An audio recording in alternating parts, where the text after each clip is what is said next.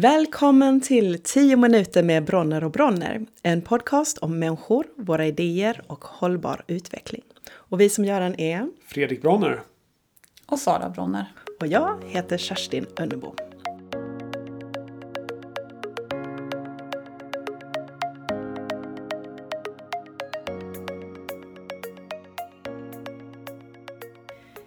Idag ska vi prata om... Ja, idag tänkte vi ta oss an det lilla ämnet Mänskligheten går under på 10 minuter. Mm. Mm. Peppigt. Jag tänker att vi kan börja väldigt grundläggande. När man pratar om klimat och så här så finns det en väldigt stor terminologi. Det är klimatutvecklingen, klimatomställningen, klimatutmaningen. Vilka ord gillar ni att använda och varför? Jag väljer att använda ordet klimatkris. Mm. För att det är det som jag tycker att det är. Och vad gillar du för ord? Ja, jag är nog där också nu. Krisen. Så att vi pratar om det, vad vi är i. Ja. Och vi är i en kris. Berätta för mig Sara om krisen. Vad är det, hur ser krisen ut i ditt huvud? Den har väl vuxit till att bli något som äventyrar våran överlevnad på jorden. Det låter superdramatiskt, men det är ju faktiskt så det är när man eh, lyssnar på vad forskarna säger. Att vi människor har som enda art i någonsin historien eh, gjort så mycket med, med planeten så att vi har rubbat hela balansen på planeten. Vi har rubbat ekosystemen eh, på ett sätt som har gjort det riktigt, riktigt farligt för oss. Och på det sättet så kan det inte vara någonting annat än en kris för Mm. mänskligheten. Kan du inte ta lite exempel på den här ekologiska krisen som du pratar om? Mm. Det är ju såna här saker som vi hör lite så här brottstycken av då och då i, i tidningen och i nyheterna. Och så där. Men det handlar ju om framförallt kanske om klimatförändringarna. Mm. Och det sättet som vi påverkar eh, vårt klimat på jorden. Där vi eh, har eh, en global uppvärmning framför oss på flera grader. Och en flera grader varmare jord kommer att ge jättestora konsekvenser i form av eh, många meter högre havsnivåer, eh, torka, bränder, vi kommer få livsmedelsbrist, vi kommer få hundratals miljoner klimatflyktingar i världen. Så att det, det är så mycket mänskligt lidande också som kommer vara kopplat till de här förändringarna i klimatet. Och det i sig kommer också leda till att vi utrotar andra arter på jorden. Att vi kallar ju den tiden som vi är inne i idag för det sjätte massutdöendet fast den här gången är det faktiskt ett utrotande där en art står för utrotandet av alla andra arter som dör. Och det är ju vi människor. Eh, så att klimatförändringar bidrar till det, men också det sättet som vi lever våra liv på. Alla behov som vi har av resurser, mat, energi, eh, liksom skog, landområden. Vi breder ut oss som ett virus lite över jorden idag och det får jättestora konsekvenser. Hur vi påverkar jorden och ekosystemen hänger ihop väldigt mycket. För klimatförändringar kommer också leda till en ganska stor brist på, på dricksvatten, på sötvatten. Där också miljarder människor kommer kommer inte ha rent vatten att dricka de närmaste decennierna. Eh, vi ser ju också att eh, regnskogen som vi är så beroende av för att reglera syre eh, och vattencykeln i världen, hur, hur de är ju hälften av vad de var när jag föddes. Och med den takten som vi avverkar träden så kommer ju regnskogen vara borta när jag är 90 år gammal. Då kommer vi avverka det sista regnskogsträdet och då har vi tagit bort jordens lungor. Så att det är väldigt många olika saker som, som händer samtidigt. Vi har ju dessutom eh, förmåga att sprida ut kemikalier och gifter som inte hör hemma i naturen överallt. Det hamnar ju nu i Nordpolens isar, det hamnar i Marianergraven längst ner i, i våra djupaste hav. Det hamnar faktiskt i våra egna kroppar. Så hittar vi mikroplaster och kemikalier hela tiden.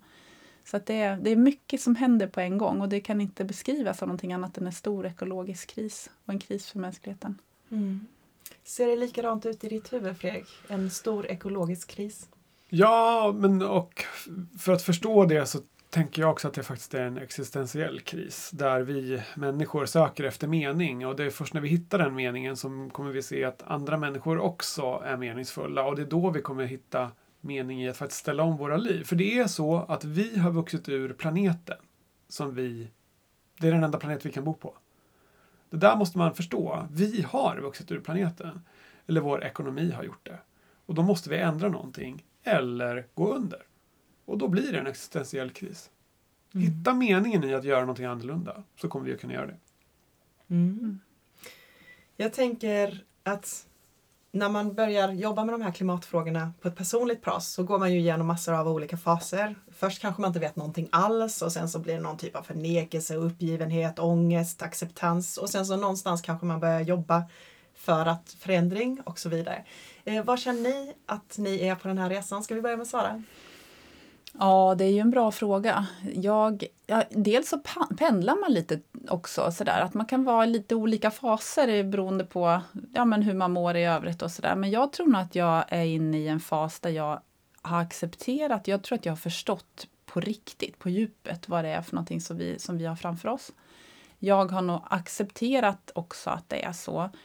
Eh, jag är nog inne mer i en fas när jag känner att jag försöker nu utmana mig själv lite. Att kliva utanför min comfort zone och eh, för första gången inte bara kanske göra någonting som, som handlar om min livsstil utan verkligen försöka påverka andra människor. Verkligen försöka väcka andra människor. Och då handlar det om att då måste man bli lite obekväm, lite mer högljudd. Och det är lite jobbigt tycker jag. Men också där, i den fasen är jag nog nu. Att nu, nej, nu jäklar måste jag utmana mig själv i det här. Mm. Var känner du att du är någonstans Fredrik? Men jag har nog också kommit ganska djupt i min acceptans. Jag har nog till och med gett upp hoppet om att vi ska fixa det här. Eller jag har i alla fall slutat hoppas på att någon annan ska fixa det. Att det ska komma någon sån här magisk eh, entreprenör med en maskin som gör att vi bara kommer kunna fortsätta med allting vi har gjort tidigare. Utan jag försöker göra det själv. Göra allt vad jag kan för att göra någon skillnad.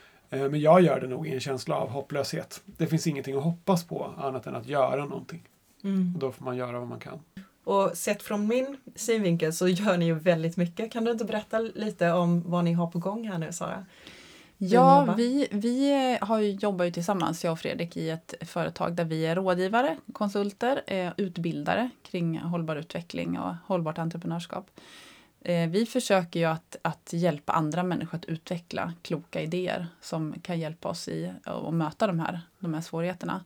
Sen eh, så kommer vi också öppna en liten butik för att göra det på en, som en fysisk manifestation. Vi vill skapa en plats dit människor kan komma. Vår ambition är att när man kommer in genom dörren och sen går ut en stund senare så ska man aldrig någonsin vara opåverkad av det.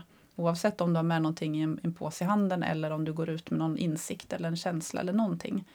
Vi vill liksom så frön. Så att det finns så oerhört mycket att göra. Så att, att vi hittar på nya idéer och grejer, det händer liksom hela tiden. Man får mer kanske bromsa sig själv lite. Men jag tycker också att det här är intressant, det här med att ge upp hoppet. För att jag tror också att jag på ett sätt och vis har gett upp hoppet om att vi ska lösa krisen. För det kommer vi nog inte göra. För nu ser vi ju att de här förändringarna i ekosystemet, de kommer ju vare sig vi vill eller inte. Även om vi slutar med allt idag så kommer det komma negativa konsekvenser. Så för mig handlar det också ganska mycket om hur ska vi möta dem? Hur ska vi liksom bygga vår motståndskraft och bli, bli bättre att anpassa oss till de förändringarna som kommer? För de kommer. Och det tycker jag är lite, ibland lite naivt. En del pratar fortfarande i termer av att vi ska kunna stoppa och hejda någonting. Eh, och det, där är vi ju inte längre, att vi kommer kunna göra det. Mm. Det är väl mycket det som jag tror sammanfattar varför vi gör så många olika saker. Att vi har slutat försöka övertyga folk om att verkligheten är på riktigt. Utan vi försöker nu prata om vad vi behöver göra för att möta den verkligheten som är på riktigt.